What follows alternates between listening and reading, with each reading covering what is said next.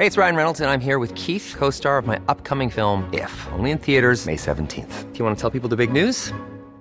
All right, I'll do. Sign up now and you'll get unlimited for $15 a month in six months of Paramount Plus Essential Plan on us. Mintmobile.com slash switch. Upfront payment of $45 equivalent to $15 per month. Unlimited over 40 gigabytes per month. Face lower speeds. Videos at 480p. Active Mint customers by 531.24 get six months of Paramount Plus Essential Plan. Auto renews after six months. Offer ends May 31st, 2024. Separate Paramount Plus registration required. Terms and conditions apply if rated PG.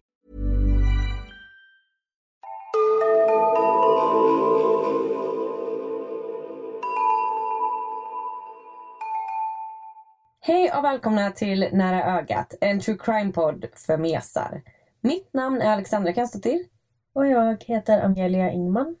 Och eh, välkomna till avsnitt nummer 19. Det har gått så sjukt fort. Redan 19 avsnitt. Ja. På ett sätt så känns det som att vi har gjort detta hur länge som helst men samtidigt...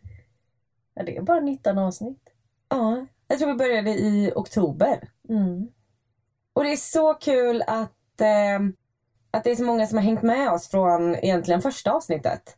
Ja, alltså vi har ju några som eh, man känner igen på Instagram som brukar ja, men lägga upp sina stories och kommentera så att eh, det är jättekul att ni hänger med. Ja, och vi välkomnar såklart alla nya lyssnare också. Sprid ordet om vår podd. Och för er som inte vet så um, gör vi ju det här vid sidan av våra heltidsjobb och sådär. Så att eh, all marknadsföring vi kan få, alltså om du bara berättar för en kompis eller liknande, alltså vi blir så glada. Ja, verkligen.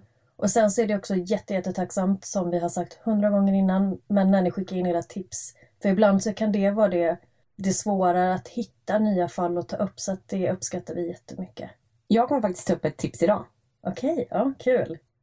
Och sen med för er som inte vet så brukar vi lägga upp eh, ganska mycket bilder från våra fall på Instagram. Så in där och kika, vi heter Nära ögat podd.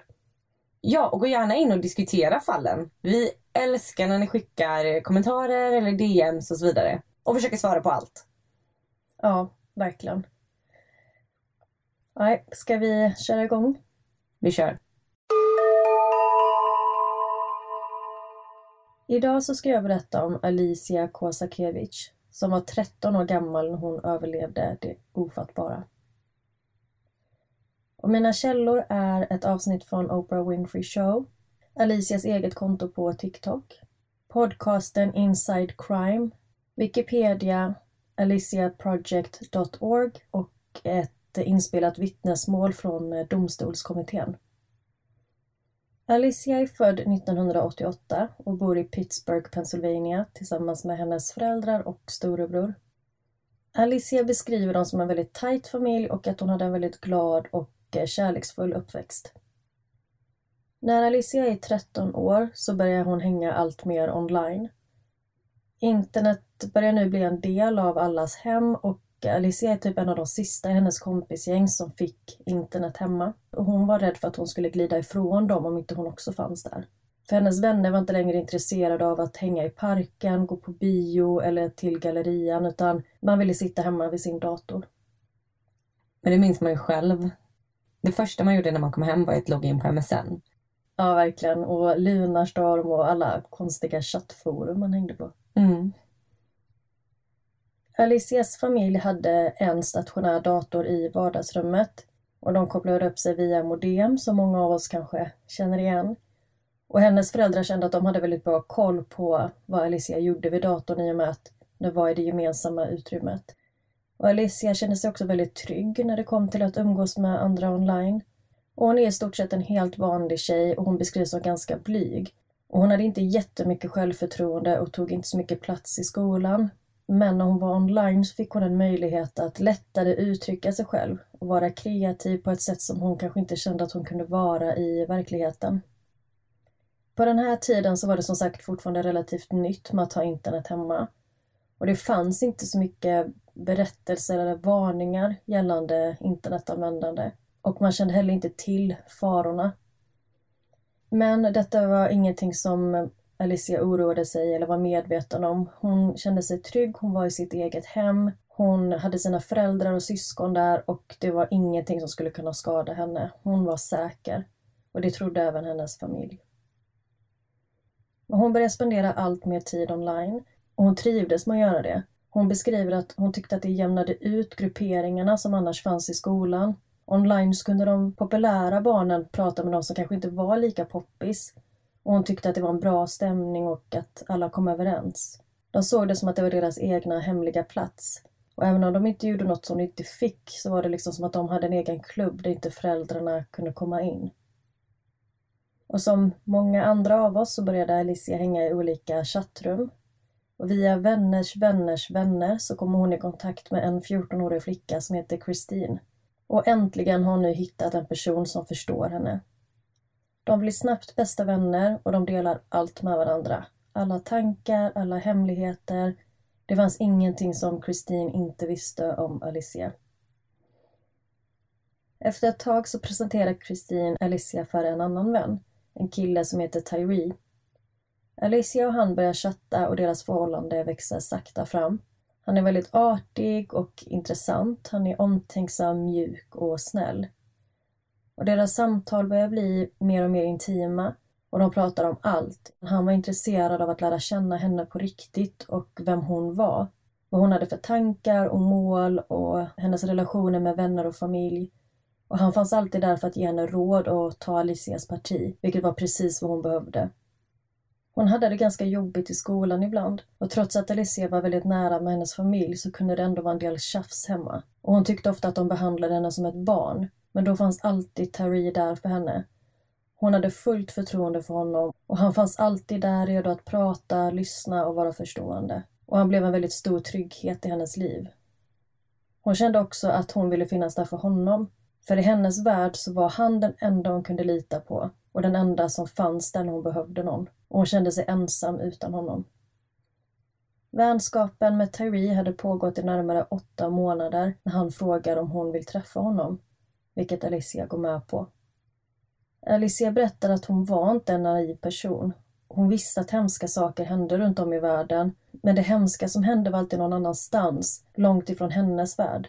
Så Alicia sa ja till att träffa Terry, trots att hon själv tycker att det var väldigt olikt henne. Det är nyårsdagen 2002 och på kvällen äter Alicia middag tillsammans med sin familj, vilket de hade som tradition att göra tillsammans för att välkomna det nya året. Efter middagen i väntan på efterrätten frågar Alicia om det är okej att hon lämnar bordet, vilket hon fick. Mamman trodde att Alicia skulle gå upp på sitt rum och vila för Alicia hade sagt att hon hade haft ont i magen men istället så smyger Alicia ut genom ytterdörren i vad hon beskriver som den kallaste, isigaste kvällen någonsin. Men trots detta så valde hon att lämna huset, gå ut i kylan och mörkret utan någon jacka. Hon lämnade till och med ytterdörren öppen för hon skulle bara springa ut snabbt och säga hej och sen skynda sig in igen. Hon säger i efterhand att hon förstår att detta inte var ett bra eller ett smart beslut och att det var ett misstag, men hon var bara ett barn. Hon var som sagt bara 13 år. Hon var väldigt glad över tanken att äntligen få träffa sin vän och hon drogs med i stunden. Så nu står hon i kylan utanför huset. Hon fryser jättemycket och det är helt knäpptyst. Och hon börjar gå ner längs med gatan och då hör hon en inre röst som säger åt henne att gå hem. Men det är för sent. Hade hon bara lyssnat på sin magkänsla tidigare så kanske det som skulle ske nu inte hänt. Men hon är cirka ett kvarter ifrån hennes hem och hon bestämmer sig för att det kanske är bäst att vända tillbaka ändå. Men då hör hon en röst som ropar hennes namn. Och innan hon hinner förstå vad som händer så sitter hon i passagerarsätet i en bil med en främmande man. Mannen som sitter bakom ratten har tagit tag i hennes hand och han kramar om den så hårt så att hon tror att den är bruten.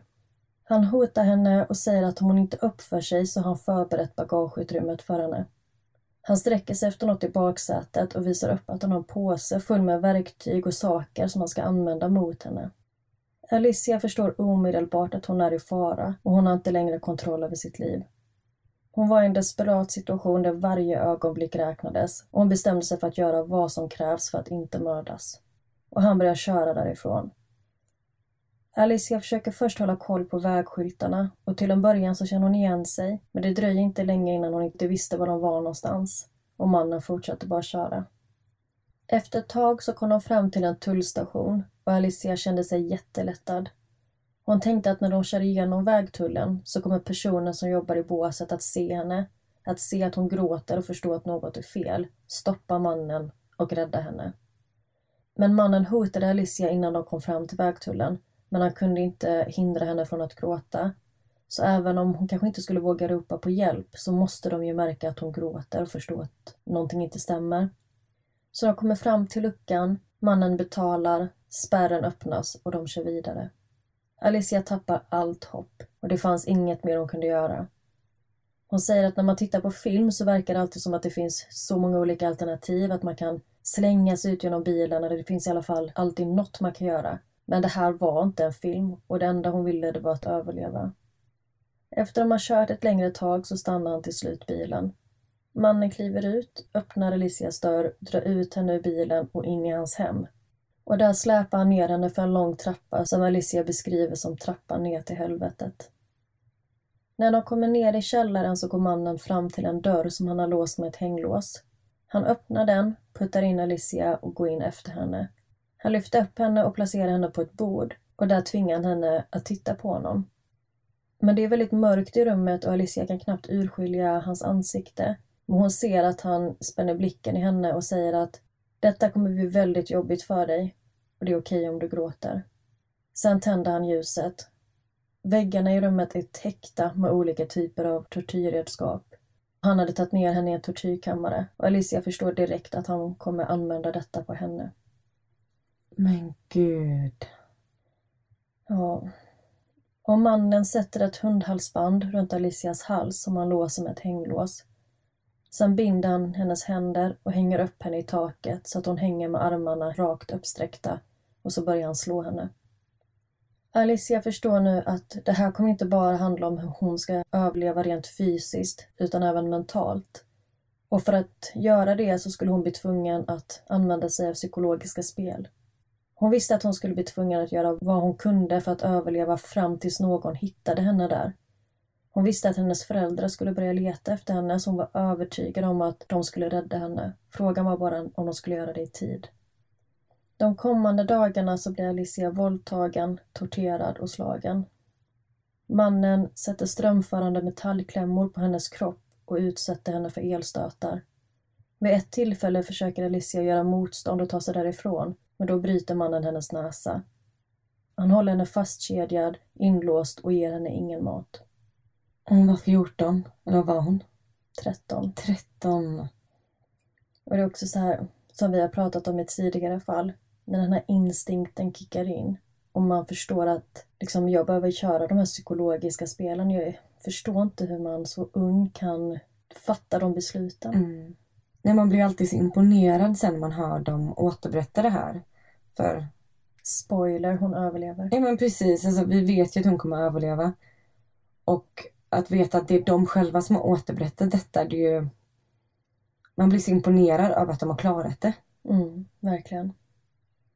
Och en annan hemsk detalj i det här. När mannen förgriper sig på Alicia och torterar henne så livesänder han det via nätet så att andra sadistiska pedofiler ska kunna se det som han gör mot henne. Och han skryter för sina vänner online om att han har tagit henne och att han håller henne i källaren. Och Alicia berättar att han torterade och behandlade henne som ett djur.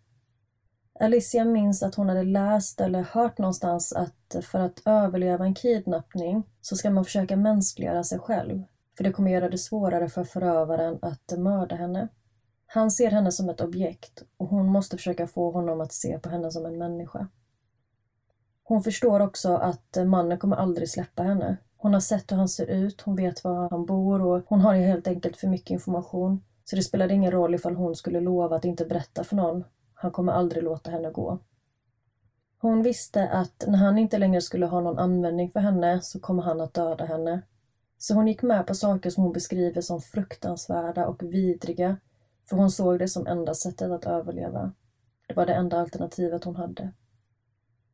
Alicia berättar att hon inte kan sätta ord på den rädslan som hon upplevde under tiden i fångenskap. Hon kände konstant skräck för att bli mördad och inte bara att hon skulle dö, utan att hon skulle bli torterad till döds. Och Alicia hade väldigt svårt med tidsuppfattningen. För antingen satt hon inlåst i källaren och där fanns inga fönster så hon hade ingen aning om det var dag eller natt. Men ibland så tog mannen upp henne och höll henne fastkedjad på sovrumsgolvet. Och där fanns ett fönster, så då kunde hon se om det var ljust ute eller inte. Och hon såg dagar komma och gå, men hon hade ingen aning om hur länge hon hade varit där. Men det kändes som en evighet. Alicia hade nu hållits fången i fyra dagar. Mannen har henne fastkedjad i sovrumsgolvet och han berättar att han ska åka in till jobbet. Men innan han åker så greppar han tag i Alicias ansikte, stirrar henne i ögonen och säger Jag börjar tycka om dig för mycket. Ikväll ska vi köra en runda. Och sen gav han henne mat för första gången och efter det så lämnade han henne ensam. Alicia är nu övertygad om att han kommer döda henne och att hon precis hade blivit serverad sin sista måltid. Och när han kommer hem ikväll så är det slut. Alicia kunde inte vara säker på ifall han faktiskt hade åkt till jobbet eller om han bara ljög och i själva verket var kvar i hemmet och väntade på att se ifall hon skulle försöka skrika eller fly och därmed döda henne direkt. Så hon vågade inte göra något. Han hade utsatt henne för sån extrem mental påfrestning och ständiga hot så hon vågade inte göra något. Hon låg där helt tyst på golvet och bad för sig själv. Hon tänkte på sin familj och hon visste att de letade efter henne och hon bad för att de skulle hitta henne. Och hon började förlika sig med tanken på att hon snart skulle dö. Men inte på ett fridfullt sätt utan hon kände sig snarare hopplös och nedbruten. Hon zonade ut och tiden gick. Hon vaknade sedan till av arga och högljudda röster från nedervåningen som skrek att de hade vapen och hon tyckte de lät väldigt läskiga. Hon var som sagt fastkedjad på sovrumsgolvet som var på övervåningen och hon kunde höra hur de slog in dörrarna på nedervåningen. Det lät som att de rev hela huset och hon trodde att de var där för att döda henne. Att mannen hade skickat dem och Alicia var livrädd. Hon kryper in och gömmer sig under sängen men när hon gjorde det så måste de ha hört henne för en av männen utanför sovrummet säger det rör sig där inne. Männen slår in dörren och hon kan se deras fötter röra sig inåt i rummet mot sängen där hon ligger. En av männen beordrar henne med väldigt hård röst att krypa fram med armarna i luften. Alicia börjar krypa ut och hon släpar den tunga kedjan efter sig. Hon försöker täcka sin kropp för mannen har inte gett henne några kläder men hon vågar inte göra något annat än att lyda. Hon ser att de håller vapen riktade mot henne så hon sträcker armarna i luften och tänker att nu händer det. Nu dör jag. Men då vänder sig den ena mannen om och då ser hon på hans rygg att det står FBI på jackan. Hon kunde först inte tro att det var sant. Hon tänkte att han som kidnappade henne spelade något sjukt spel och att det här inte var på riktigt. Och det tog en stund för det att sjunka in. Men till sist så förstod hon att räddningen var här. Ja, fy fan vad skönt. Ja, det kom in en man i sovrummet som hade med sig en bultsax och de klippte upp kopplet som satt runt hennes hals och sen så förde de henne till sjukhuset. På sjukhuset så undersöks Alicia och hennes föräldrar blir informerade om att deras dotter har blivit räddad och att hon befinner sig i Virginia. Men Alicias fall har blivit extremt uppmärksammat i media vilket gör att hennes föräldrar kan inte ta sig med kommersiellt flyg till Virginia och återförenas med sin dotter. Utan istället får de dagen efter åka med FBI's privatplan. Alicia beskriver det som en ofantlig lättnad och lycka över att det här äntligen var över. På en väldigt kort tid så gick hon från en säker död till att vara i sin familjs armar och nu skulle ingen kunna skada henne mer. Alicia berättade i efterhand att chansen att hon skulle bli räddad var en på miljonen. Och en stor bidragande faktor till att de kunde hitta henne var en flyer med hennes bild och information som tagits fram av The National Center of Missing and Exploited Children. Alicia är övertygad om att om det inte vore för den så hade hon inte levt idag. Det är nämligen så att mannen som kidnappade Alicia hade pratat med en annan man online om att han ville kidnappa en ung flicka. Den här personen hade först inte tagit det på allvar utan snarare bara att det var en sjuk fantasi. Men på nyårsdagen 2002, dagen då Alicia blev tagen, så ska kidnapparen ha skickat ett meddelande till den här andra mannen och sagt att han hade hittat en tjej i Pittsburgh som han var på väg till och att han hade handklovar redo. När kidnapparen hade Alicia i fångenskap så livestreamade han vad han gjorde mot henne till andra online. Och samma person som kidnapparen hade haft kontakt med tidigare var en av de som var med och kollade på hans eh, livesändningar. Och den här mannen insåg nu att hans liv var på spel. Han var rädd för att han själv skulle ställas till svars för vad han visste om kidnappningen ifall kidnapparen som tagit Alicia skulle åka fast.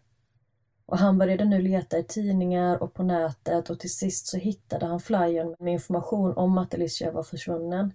Och han såg att det var samma flicka som han sett i livestreamen. Och han kontaktade polisen anonymt från en betaltelefon. Och detta på grund av att han var ju själv rädd för att åtalas för medverkan till brott. Okej, så han anmäler liksom inte för att det här är ett hemskt brott utan han anmäler för att han själv inte vill åka dit. Precis. Han gör det Ja. bara för att eh, rädda sig själv. Mm. Alltså det var ju bra att han anmälde men man kan ju ifrågasätta hans motiv. Mm. Men den här mannen kände inte till kidnapparens riktiga identitet. Så det enda som han kunde ge till polisen var kidnapparens användarnamn på Yahoo. Men tack vare detta så kunde FBI spåra kidnapparens IP-adress och därmed få fram var han bodde och hans personuppgifter. När FBI stormade kidnapparens hem den 4 januari klockan kvart över fyra på eftermiddagen så var mannen inte hemma. Utan han greps cirka en halvtimme senare på sin arbetsplats. Så det var tack vare att en hemsk och vidrig person trädde fram som en annan hemsk och vidrig person kunde stoppas. Och Alicia säger att det var en dålig person som gjorde en god gärning, men för att rädda sig själv, inte henne. Och när polisen bröt sig in i kidnapparens hem så var klockan som sagt kvart över fyra. Och kidnapparen väntades komma hem vid fem. Så Alicia är övertygad om att om polisen inte hade tagit detta tipset på allvar, eller om de hade fått förhinder på vägen dit, så skulle hon inte vara vid liv idag. För mannen hade bestämt sig för att han skulle döda henne den kvällen och hon menade att det är ett mirakel att hon räddades i tid. Men trots att hon nu var i säkerhet så säger hon att mannen dödade den 13-åriga flickan som hon var när hon kidnappades. Han tog hennes barndom ifrån henne. Mannen som kidnappade Alicia, som låtsades vara den jämngamla killen Tyree, men även hennes 14-åriga bästis Christine, Jaha, han var båda dem. Ja. Och han var i själva verket en 38 år gammal man vid namn Scott Tyree. Vad Alicia inte visste i stunden var att från dag ett när hon lärde känna Christine så blev hon groomad av den här förövaren. Han hade full koll på vad han gjorde när han chattade med Alicia. Han använde sig av samma språk, samma förkortningar och pratade på samma sätt som alla andra tonåringar gjorde. Och det fanns ingenting som antydde på att Christine inte skulle vara den hon utgav sig för. Han hade till och med skickat ett skolfoto till Alicia på en flicka då som skulle vara Christine. Och det hon utsattes för det är ju då grooming. Och Alicia menar att grooma ett barn kan vara ganska enkelt göra. Man behöver i stort sett bara låtsas vara barnets vän och säga det som man tror att de vill höra istället för vad de behöver höra. Den här mannen fick Alicia känna sig vacker, viktig, speciell och unik. Och han fanns där för henne hela tiden oavsett vad och sa alltid det hon behövde höra och fick henne att må bra. Vilket en vän gör och Alicia förstod inte att det här var en falsk vänskap. När Alicia ska förklara hur groomingen gick till så säger hon att försök föreställa dig själv hur du var när du var 13 år. Och allt är inte helt lätt i den åldern. Vissa dagar kan vara bra och andra kan vara riktigt tuffa och jobbiga. Och man kanske känner sig ensam, ledsen eller utanför. Och tänk då att alltid ha någon som finns där för en varje dag. Som lyssnar på dig och säger att det kommer bli bra. Och det kunde vara små saker som att hon hade bråkat med sin mamma om att hon inte hade städat sitt rum. Och då kunde han finnas där och säga saker som Varför behandlar hon dig sådär? Du är ju vuxen. Eller att hon fick ett dåligt betyg i skolan och då kunde han kolla på hennes provsvar och trots att hon kanske svarat fel så peppade han henne genom att säga att det var hennes lärare som inte förstod henne och att hon var jättesmart. Och när hon hade bråkat med vänner i skolan och de hade kallat henne för massa elaka saker så sa alltid Tyree, eller den här mannen då, att har jag någonsin kallat dig för det? Har jag någonsin sagt att du har fel eller har jag någonsin sårat dig? Vilket han inte hade, utan han var hennes enda riktiga vän. Och genom den här groomingen så menar Alicia att han hjärntvättade henne. Hon var ju som sagt bara 13 år och väldigt lätt påverkad och han lyckades förändra henne och forma henne utifrån hur han ville att hon skulle vara. Hon beskriver att hennes egna beteende, då när hon lämnade huset för att träffa Tyree, var väldigt långt ifrån hennes karaktär. För att förstå hur groomad Alicia var av den här killen som hon aldrig hade träffat så berättar hon att hon var väldigt mörkrädd. Och hon hatade kylan och hon gick aldrig ut själv efter att det blivit mörkt. Men trots det så går hon med på att möta honom på den kallaste, mörkaste och isigaste dagen på året. Men det är det som grooming gör med en. Man tappar vem man är och man formas på ett väldigt subtilt sätt. Speciellt om man är i en känslig och eh, formbar ålder. Då kan man till och med påverka och forma barnets värderingar och eh, karaktär. Och detta är något som Alicia än idag har svårt att förstå. Det var hon som valde att gå ut men samtidigt inte. Och mannen som kidnappade Alicia, Scott Tyree, han föddes 1963 och han har varit gift två gånger och har en dotter.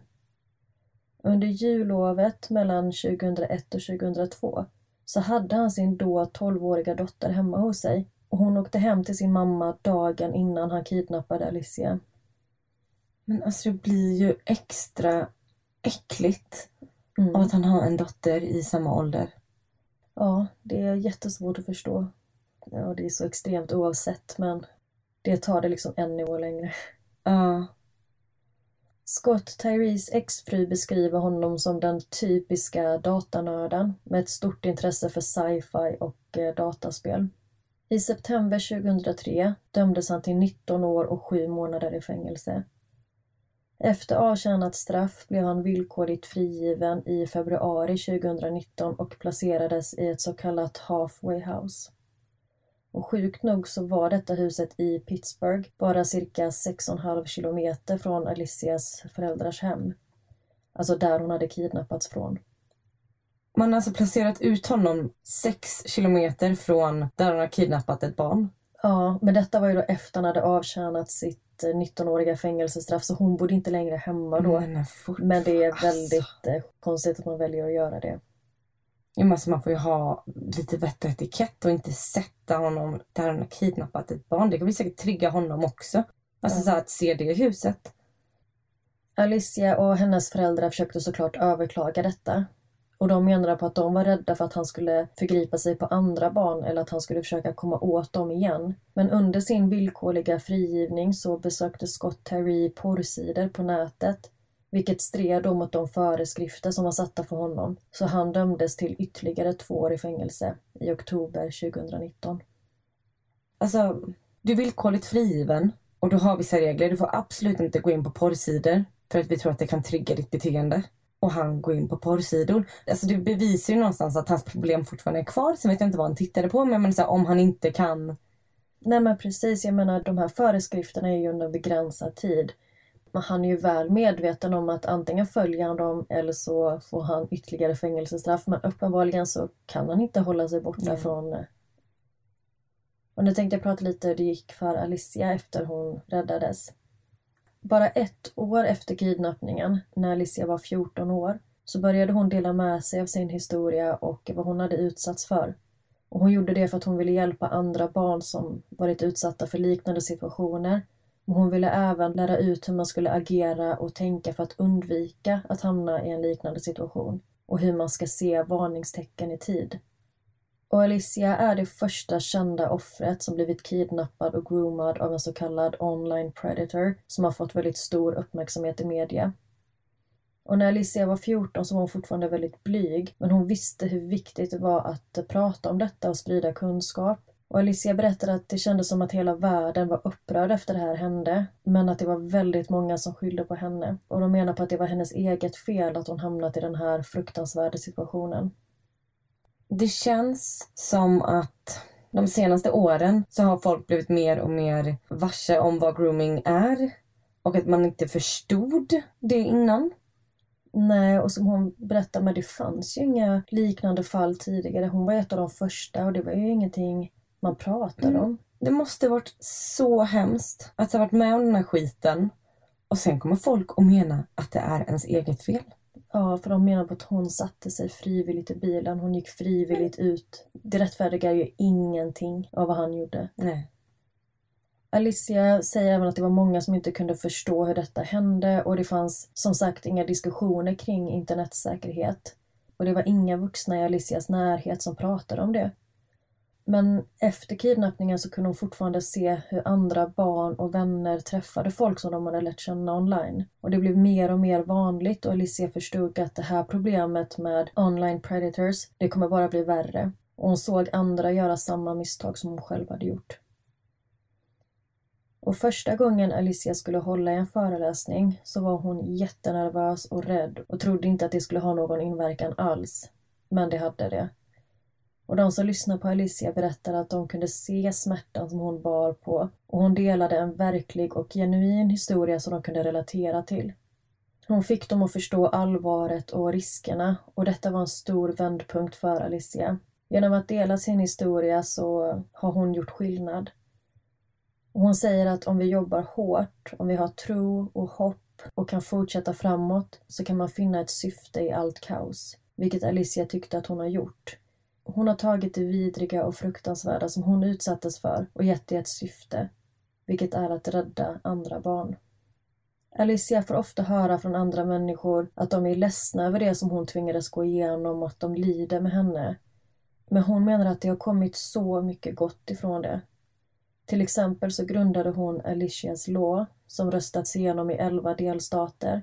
Och den här lagen innebär statlig finansiering till de arbetsgrupper som jobbar med att främja internetsäkerhet för barn och motverka nätbrott mot barn. Hon säger att hon har mött flera polismän och FBI-agenter som gråtit och tackat henne för detta. För nu har de möjlighet att göra sina jobb ordentligt. Och tidigare så har de inte haft tillräckliga medel för att ta hand om alla fall. Men nu har de möjlighet att rädda fler barn. Alicia brinner verkligen för detta. Inte bara på grund av det hon utsattes för i fångenskap utan även för vad hon tvingades genomlida efteråt. För någon gång mellan det att Alicia räddades och rättegången mot Scott Tyree när hon var cirka 16 år gammal så blev hon kontaktad av polisen. De kom hem till henne och bad henne identifiera sig själv i något. De satte sig ner, öppnade upp datorn och visade en film där man tydligt kunde se att det var Alicia. Hon hade händerna bundna och hon var upphängd i taket med armarna rakt uppsträckta. Hon var i tortyrkammaren i källaren. Hon blödde, grät och bönade om hjälp. Och hon tvingades se sig själv bli torterad. Men alltså måste man låta henne se det? Mm. Och hon berättar att det är två helt skilda saker. Att faktiskt uppleva något sådant och sen att vittna det genom förövarens perspektiv. Hon säger att hon fick veta efter att hon räddats att han hade livestreamat det han hade gjort mot henne. Och hon visste om att filmerna existerade. Men det hade aldrig riktigt tidigare sjunkit in och hon hade aldrig sett dem. Men när polisen visade denna videon så var det som att hon tvingades återuppleva det här fruktansvärda traumat igen. Och tanken på att de här filmerna på henne skapats för andras njutning och att det finns material på andra barn som sprids online det motiverar henne bara ännu mer att göra allt hon kan för att förhindra att fler barn ska bli utsatta. Och hon berättar att genom att de här filmerna fortfarande existerar så är det som att hon blir utsatt på nytt varje gång någon ser på dem. Den nya lagen jobbar för att rädda barn genom att se till att det finns rätt utbildningar, poliser som jobbar på fältet, resurser och pengar så att man har rätt förutsättningar för att rädda så många barn som möjligt. Ett exempel där man väldigt framgångsrikt arbetat med Alicias Law är i Wisconsin. Två år efter lagen implementerades så hade man lyckats gripa tusen online predators. Idag mår Alicia bra och hon säger själv att hon är väldigt lycklig. Hon njuter av livet och är tacksam för varje stund. Hon är gift med en man som stöttar henne i allt hon gör. Och Alicia har tagit en masterexamen i kriminalteknisk psykologi och hon arbetar även som föreläsare. Från början så var hon mer fokuserad på utbildning men idag så är hon mer inriktad på motivering. Hon säger att hon älskar att prata om positivitet och om att övervinna motgångar snarare än att bara prata om vad man har utsatts för och hur man undviker det. För hemska saker kommer alltid att hända men vi måste bara hitta våran väg igenom det. Och Alicia hon delar sin historia för att hon vill göra världen till en bättre plats. Och även om det är väldigt tufft att prata om det är emotionellt dränerande. Hon säger att på ett sätt är det som att återuppleva traumat. Men hon gör det för att utbilda och för att andra inte ska göra samma misstag som henne. Och hon brukar inleda sina föreläsningar med att säga Mitt namn är Alicia och jag är här för att rädda ditt liv. Och det var berättelsen om Alicia Kosakiewicz. Ja, alltså den här historien är ju så sjuk. Ja, alltså verkligen. Och jag ville liksom inte fokusera för mycket på hennes tid i fångenskap utan jag ville hellre prata mer om tiden efteråt för att hon har verkligen gjort jättemycket för att motverka att detta ska hända andra barn och för att förändra lagar och utbilda så att hon är jätteimponerande. Mm. Och det är också så här att folk menade typ att de vill skylla sig själv. Det gör mig så arg och ledsen. Och jag är så glad över att debatten kring grooming har Alltså de senaste åren har det utvecklats mer och mer och folk börjar förstå vad grooming är. Och att man aldrig kan skuldbelägga offret. Nej, verkligen inte. Och man måste också komma ihåg, alltså när man är 13 år, man, man är ett litet barn och det är, det är okunskap som får folk att säga att, att hon ska skylla sig själv. För att det är inget försvar, men folk visste ingenting om detta. Mm. Och sen också så här, när man är 13 år och hon har chattat med honom i åtta månader och hon har chattat med sin kompis Christine ännu längre. Åtta månader när man är 13 år, det är typ ett läsår. Mm. Och det är världens längsta tid när man är 13. Och tänk då att de pratade varje dag. Så fort det var någonting, hon var glad, hon var ledsen, hon var arg. Det var Tyree hon vände sig till för allt. Alltså det var hennes enda riktiga vän. Och det är också det här som gör honom så fruktansvärt äcklig. För han är så utstuderande och det här är så genomarbetat. Att han i månader och månader och månader hittat på olika karaktärer. Han kanske vet hur kidsen pratar för att han har en dotter i samma ålder. Mm. Och sen så sitter han där och skriver med en 13-åring. Mm. Och Alicia säger när hon har sina föreläsningar att hon försöker liksom belysa det att monster finns på riktigt och de finns överallt. Det kan vara din granne, din vän, det är någons pappa. Och i och med att de kan gömma sig bakom en skärm så är det ju jättesvårt att veta vilka det är. Ja, och utåt sett kanske han var en jättebra pappa. Det vet man inte. Alltså till sin dotter och folk kanske aldrig trodde det här om honom. Men jag vet inte, det blir, det blir så läskigt. Mm. Och en sak som Alicia berättade om också det är att när hon håller sina föreläsningar så brukar hon visa upp en bild på sig själv när hon var 13 år. Och på den här bilden då sitter hon liksom framför datorn i deras vardagsrum. Och hon sitter liksom och chattar med någon och det skulle mycket möjligt kunna vara den här förövaren. För bilden är tagen bara två veckor innan kidnappningen och hon har till och med samma kläder på sig som kvällen hon kidnappades. Och på den här bilden så ser man liksom en helt vanlig, glad tjej och ingenting verkar misstänksamt, ingenting sticker ut. Hon var en helt vanlig flicka och det kan verkligen hända vem som helst. Oavsett vart du bor, oavsett vem du är, var du kommer ifrån, om du har rika föräldrar eller inte, det spelar liksom ingen roll. Vem som helst kan falla offer för grooming. Och det här är ju någonting som fortfarande sker idag och för de här förövarna så får de ju bara fler och fler plattformar att jobba på, eller, eller hur man ska säga. För att jag menar på den tiden, man hade ju tillgång till internet på en stationär dator i sitt hem. Nu är det ju så mycket mer lättillgängligt och det finns ju så många olika sajter och appar och sociala medier. Så riskerna för att barn ska utsättas för något liknande idag är ju egentligen ännu större. Och även om man kanske är mer medveten kring vad grooming är så gäller det ju bara att eh, fortsätta utbilda kring de här farorna så att man kan undvika dem. Men för er som är nyfikna så kan ni kolla in Alicias eh, TikTok. Dels så pratar hon om det hon har gått igenom men hon belyser också väldigt många andra fall och försöker liksom sprida information om försvunna barn och sådär. Men hon heter i alla fall It's Alicia Kozak på TikTok. Och det är också bra att hon kanske är på de plattformar där många barn befinner sig om dagarna. Mm. Så att de också kan få upp henne i flödet och lära sig på det sättet. Ja, men, jättesmart och bra av henne. Ja, verkligen. Nu tycker jag att vi lämnar över till dig, Assa. Mm. Om det här var ett typiskt Amelia-fall så ska vi till ett typiskt Assa-fall. Vi ska upp i luften.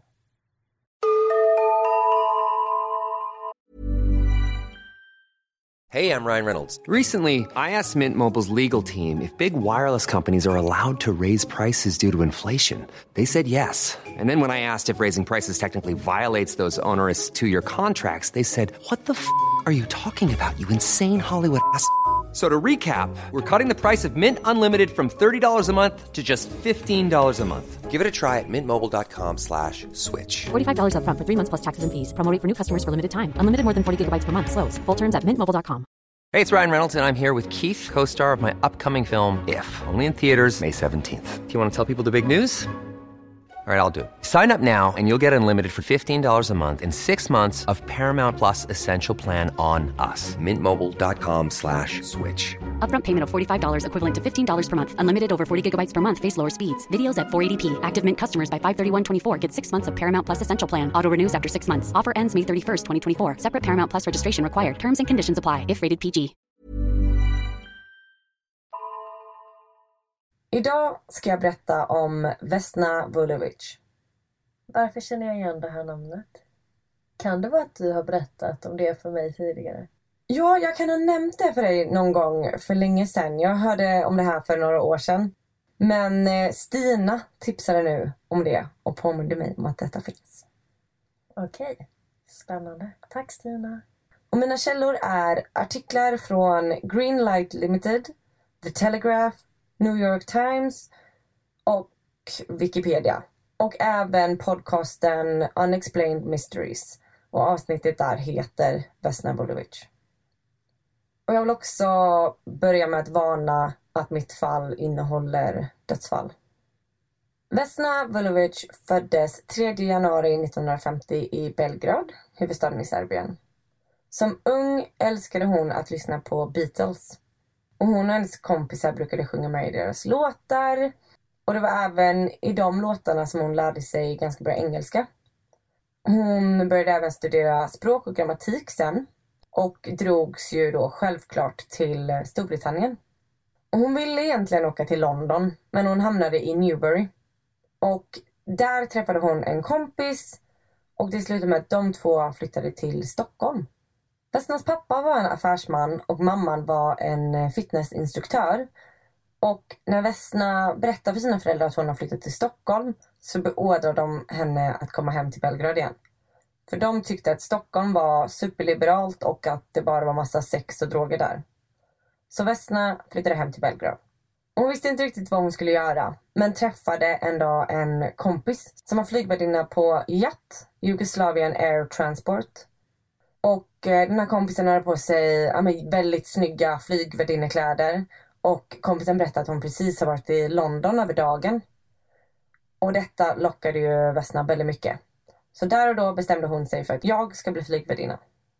Det fanns ett problem. Vesna led av väldigt lågt blodtryck. Och lågt blodtryck gör att man kan eh, svimma enklare. Och speciellt av trycket på höga höjder. Så innan hon skulle göra sina fystester inför jobbansökan så drack hon mängder av kaffe för att försöka höja blodtrycket. Och hon var väl lite osäker på om det funkar inte, men hennes värden såg bra ut och hon fick jobbet och började då jobba för Yacht Airways. Så 1972, när Vesna var 22 år gammal, så fick hon en flygning på Yacht Flight 367 som var mellan Stockholm och Belgrad med en mellanlandning i Köpenhamn. Och det var där Vesna skulle hoppa på. Och det visade sig i efterhand att det här egentligen var en, en felbokning. Det var inte Vesna som skulle fått det här jobbet utan det var en annan Vesna. Så det blev något fel i systemet. Men Vesna var ju väldigt nöjd för att hon hade aldrig varit i Köpenhamn och fick åka dit. Och hon ville verkligen upptäcka staden.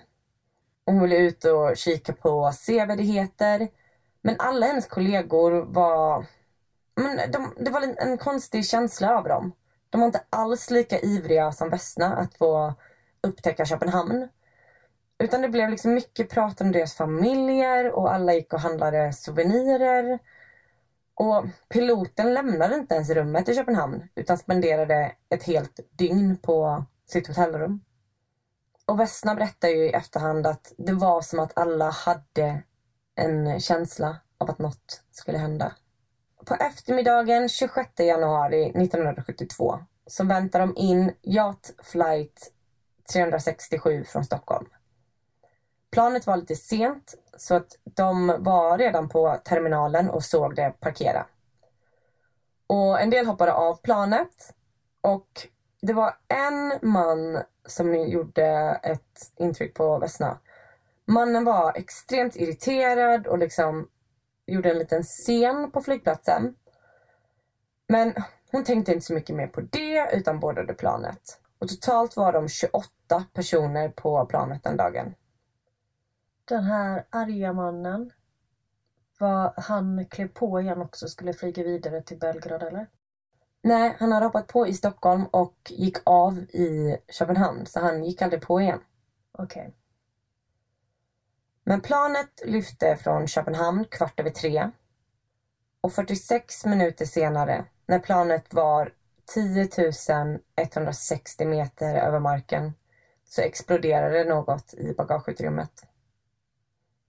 Explosionen gjorde att planet bröt itu och kraschade nära en liten by i dåtida Tjeckoslovakien.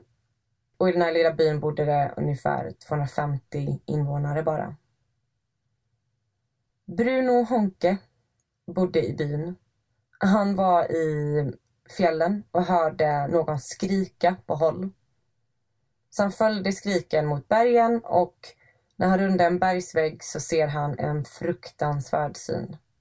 Han ser spillrorna efter det kraschade planet. Och han kunde inte förstå att någon fortfarande var vid liv, alltså som kunde skrika. För att allt var liksom bara krossat. Men han följer skriket och hittar till slut Vesna. Och här finns det lite blandade uppgifter. Vissa menar att hon var i den bakre delen av planet medan hon själv menar att hon var i mittendelen av planet. Men när Bruno hittar henne så är hennes turkosa jattuniform helt täckt med blod. Och hon hade ju otroligt nog överlevt det här fallet på över 10 000 meter. Men hon var mycket svårt skadad. Hennes skallben var krossat. Hennes ben var brutna och tre av hennes ryggkotor hade krossats i fallet. När hon hittades låg hon med ansiktet nedåt, fastklämd mellan planet och en serveringsvagn med sin döda kollega över sig. Och Bruno hade under andra världskriget jobbat som sjukvårdare och kunde därför hjälpa till att hålla henne vid liv tills hon togs till sjukhus. Och Vesna var ju den enda som överlevde den här kraschen. Man tror att det var flera olika faktorer som gjorde att hon överlevde. Dels att hon hade klämts fast mellan planet och vagnen, vilket gjorde att hon inte sögs ut ur planet när det bröts i tu. Och en annan anledning till att hon överlevde tror man är hur, hur planet kraschade. För det kraschade liksom i ett berg så det, jag tror att det åkte med lite. Alltså det åkte inte rakt in i en vägg eller i marken utan det togs emot lite på vägen ner. Och det var snö vilket kan ha hjälpt till att göra det mjukare inom citationstecken. Sen tror man också att hennes låga blodtryck hjälpte henne. Att det kan ha gjort att hon svimmade snabbt. När man faller i sådana hastigheter som hon gjorde så kan det bli så att hjärtat rusar och att det exploderar. Men att förmodligen så hjälpte hennes låga blodtryck hjärtat att eh, inte rusa så mycket. Så det kan ha varit en av anledningarna till varför hon klarade sig. Sen tycker jag också man har hört folk som har överlevt olyckor och fall och sånt när man antingen har varit avsvimmad eller sovit för att kroppen är kanske mer avslappnad då. Mm. Men det känns ändå helt sjukt att man överlever, vad sa du, 10 000 meter? 10 160 meter. Ja. Galet. Det är helt sjukt. Och Vesna minns ingenting av olyckan. Hennes första minne är ungefär alltså en månad senare. Men under den här tiden eh, så togs ju Vesna först till ett sjukhus i Prag och där hamnade hon i koma. Men ungefär två veckor senare så kunde de väcka henne. Och när de gjorde det så berättade de vad som hade hänt. Och då svimmade hon och eh, var tvungen att få liksom, flera injektioner på grund av att hon hamnade i chock. Men detta kunde hon inte minnas i efterhand sen. Och det första hon minns är när hon såg sina föräldrar på sjukhuset. Och då frågar hon dem varför de var i Slovenien. Hon minns liksom inte ens att hon hade varit i Köpenhamn, för hon hade varit i Slovenien innan hon var i Köpenhamn. Så att hon undrade varför hennes föräldrar hade kommit dit. Men i mars så skulle hon flygas hem till Belgrad. Och läkarna ville ju söva henne under flygresan. För att hon inte skulle få någon chock eller sådär. Men hon vägrade. Hon såg fram emot att flyga igen. Och förmodligen var det för att hon inte minns något av olyckan. Och Vesna låg på sjukhus även i Belgrad. Hon blev temporärt förlamad på underkroppen i och med att hon krossade ryggkotorna. Men efter flera operationer så kunde hon till slut lära sig gå igen. Och i juli åkte Vesna till Montenegro. Och ett eh, stort företag sponsrade hennes resa så att hon kunde liksom tillfriskna på ett hotell istället. Så hon liksom bodde på ett hotell vid stranden och eh, hon fick läkarbesök några gånger i veckan. Och redan i september samma år så var Vesna redo att återvända till jobbet igen. Vesna ville ju fortsätta flyga, men flygbolaget menade att hon inte var återställd. Men Vesna menar att detta inte stämmer. Hon menar att flygbolaget inte ville ha henne på sina plan på grund av dålig publicitet för flygbolaget. Så till slut fick hon ett skrivbordsjobb istället. Men vad var det egentligen som hände på planet? Vad var det för explosion? Och här finns det lite olika teorier. Men det man tror är att detta var en av de första terrorattackerna mot ett flygplan. På den här tiden så fanns, alltså man skannade ju inte väskorna. Eh, och man tror att det var en resväska med en bomb i som detonerade i luften. Och Vesna har en teori om att den arga mannen på flygplatsen var personen som hade med bomben. Att han checkade in den i Stockholm, hoppade av i Köpenhamn och lämnade väskan ombord. Och detta var en mycket orolig tid.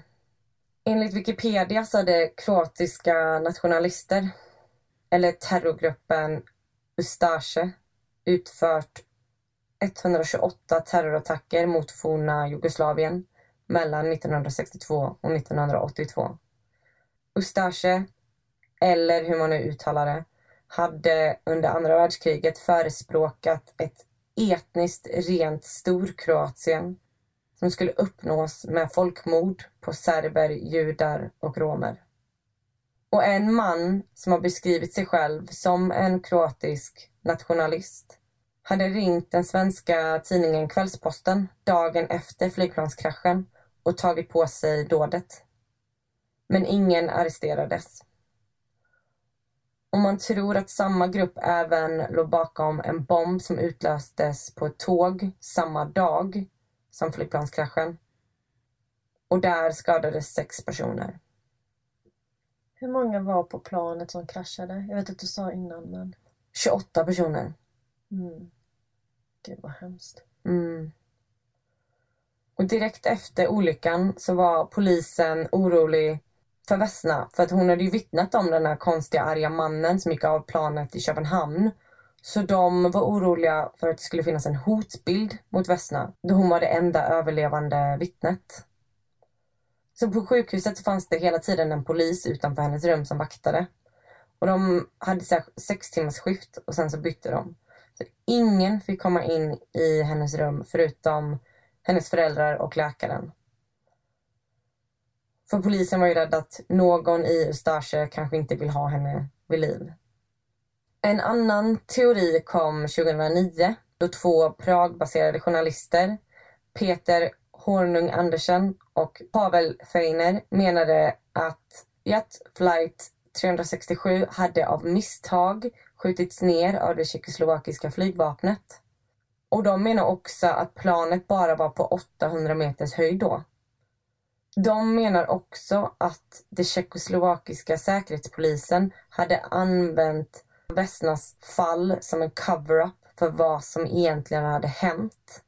Och att samtalet till Kvällsposten hade varit en bluff. Men det tjeckiska myndigheter menar att detta endast är en konspirationsteori. Och Vesna hörde om teorin men kunde egentligen varken bekräfta eller dementera då hon inte minns olyckan alls.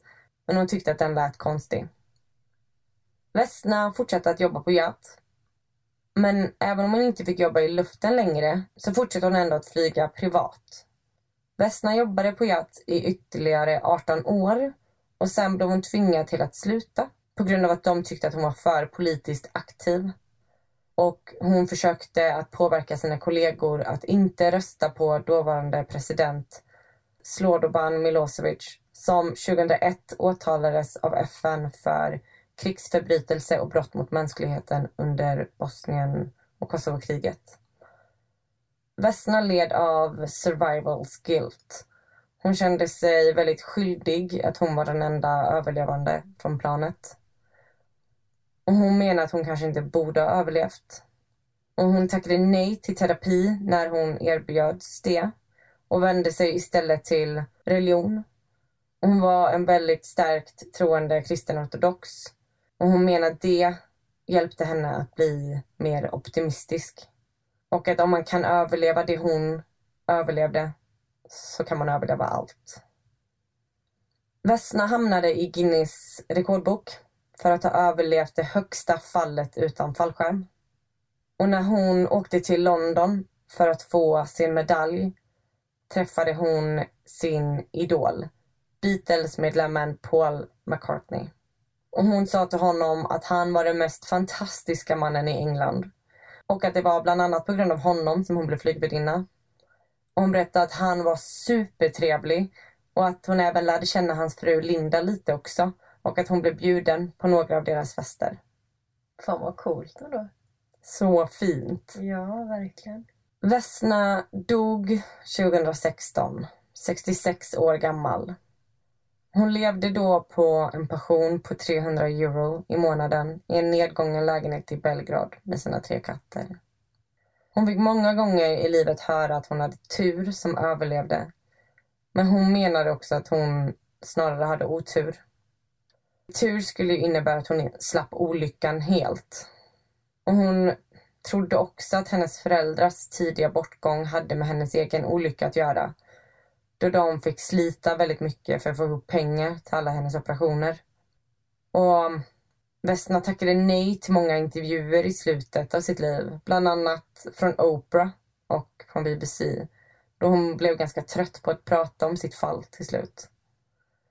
Men det till trots dog Vesna som en nationalhjälte och hon var en hedersinvånare i den lilla byn där planet kraschade. Hon fick till och med en sång skriven om sig som man kan översätta till Vesna, flygvärdinnan. Och Mythbusters gjorde ett avsnitt om hennes fall där de bevisade att det är möjligt att överleva ett så högt fall beroende på vart man är placerad i planet. Och det var historien om Vesna Vulovic. Ja, helt otroligt att hon överlevde. Mm. Men ganska sorgligt också frustrerande att man inte fick något ordentligt svar på vad det var som hände. Att ingen arresterades för det var ju... Jättekonstigt. Speciellt när de blev kontaktade av en som hade tagit på sig dådet. Ja, men detta var också så 1972. Någon person som ringde in till Kvällsposten. Jag tror kanske inte att man kunde spåra det. Eh, men det var ju ganska oroliga tider. Det var mycket som bubblade i Europa. Men vet du ifall det var någon som tog på sig terrordådet som skedde på tåget samma dag? Jag, jag vet faktiskt inte. Nej, jag vet inte men det känns som att det var väldigt ovanligt på den tiden. Och att det då sker två på samma dag. Att det skulle vara två olika organisationer kanske inte känns jättetrovärdigt. På den här tiden var det väl knappt en säkerhetskontroll innan man hoppade på planet. Det var bara så här, ja, på med väskan och gå och sätt dig. Det är så sjukt hur säkerheten har behövt utvecklats från 1972. Mm. Eller ja, ännu tidigare. För varje dåd som sker så blir det liksom en till grej. Ja, men jag tycker också det kan vara så individuellt när man flyger. Alltså beroende på vilket flygbolag man reser med, om det är internationellt eller inte. Så jag tycker det kan variera ganska mycket. Ja, men det kan också vara olika regler på olika flygplatser. Jag jobbar ju med filmproduktion. på ett jobb så skulle vi filma först i Bryssel och sen i London. Och då hade vi med oss batterier, stora V-lock-batterier till lampor. Och det var okej att flyga med från Stockholm till Bryssel, från Bryssel till London. Men sen när jag skulle flyga hem från London till Stockholm så fick jag inte flyga med dem.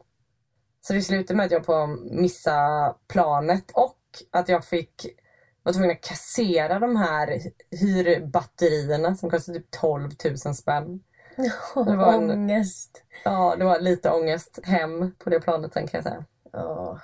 Nej men det är så konstigt för att det är ju som du säger så olika från flygplats till flygplats. Mm.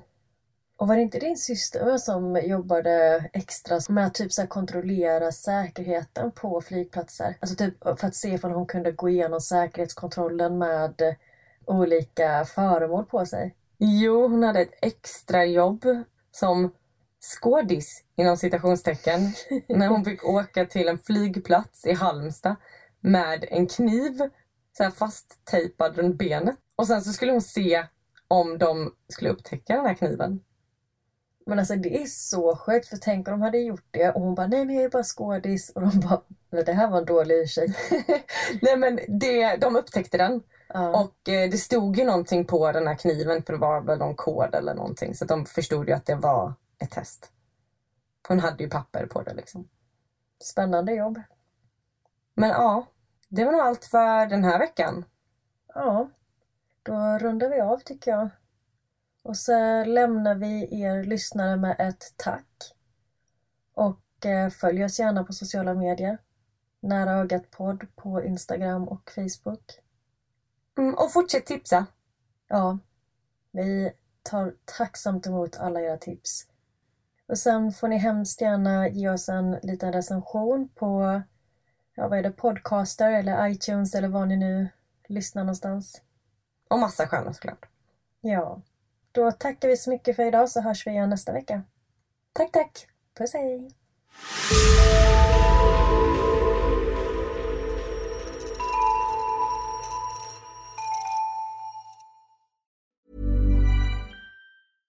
Hey, it's Paige DeSorbo from Giggly Squad. High quality fashion without the price tag. Say hello to Quince.